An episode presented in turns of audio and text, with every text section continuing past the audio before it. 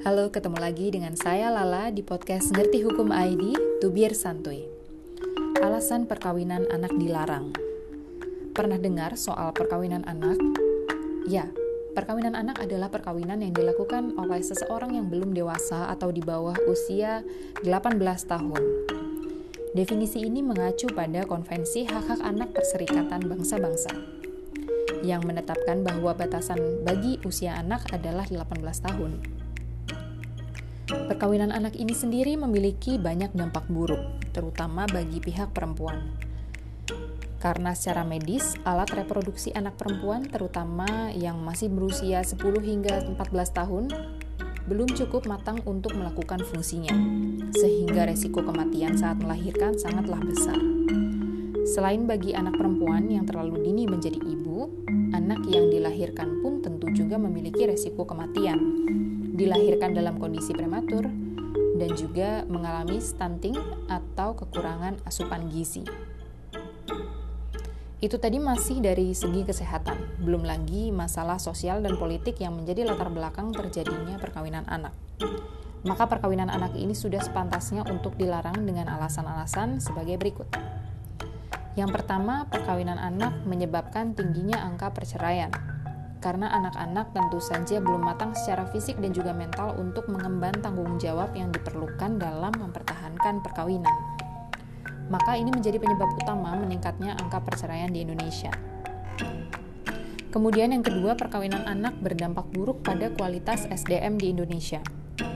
Kecil kemungkinan anak yang kawin itu melanjutkan pendidikannya Perkawinan anak sudah jelas menjadi penyebab anak putus sekolah dan tidak menjalankan program wajib belajar 12 tahun sehingga menyebabkan penurunan kualitas sumber daya manusia di Indonesia. Kemudian yang ketiga, perkawinan anak menyebabkan KDRT atau kekerasan dalam rumah tangga. Data global menunjukkan bahwa bagi anak perempuan yang menikah sebelum umur 15 tahun, kemungkinan mereka mengalami kekerasan dalam rumah tangga ini meningkat 50%. Sehingga uh, di sini perkawinan anak dapat dikatakan sebagai penyebab KDRT. Selain karena ketimpangan relasi kuasa, para pengantin muda cenderung penuh emosi sehingga uh, gampang meluapkan emosinya melalui kekerasan. Kemudian yang keempat, perkawinan anak menyebabkan berbagai isu kesehatan seperti yang sudah disebutkan di awal, perkawinan anak banyak menyebabkan masalah kesehatan mulai dari fungsi alat reproduksi hingga kehamilan bagi uh, sang ibu dan juga anak yang akan dilahirkannya.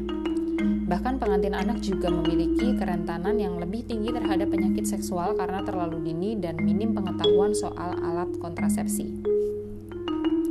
Kemudian yang kelima dan yang terakhir, perkawinan anak ini menghambat beberapa agenda pemerintah.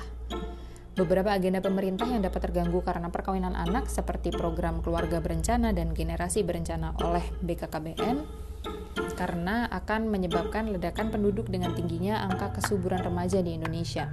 Selain itu juga dapat mengganggu program lain seperti wajib belajar yang sudah saya sebutkan tadi. Nah, sudah tahu kan mengapa perkawinan anak ini sudah seharusnya dilarang?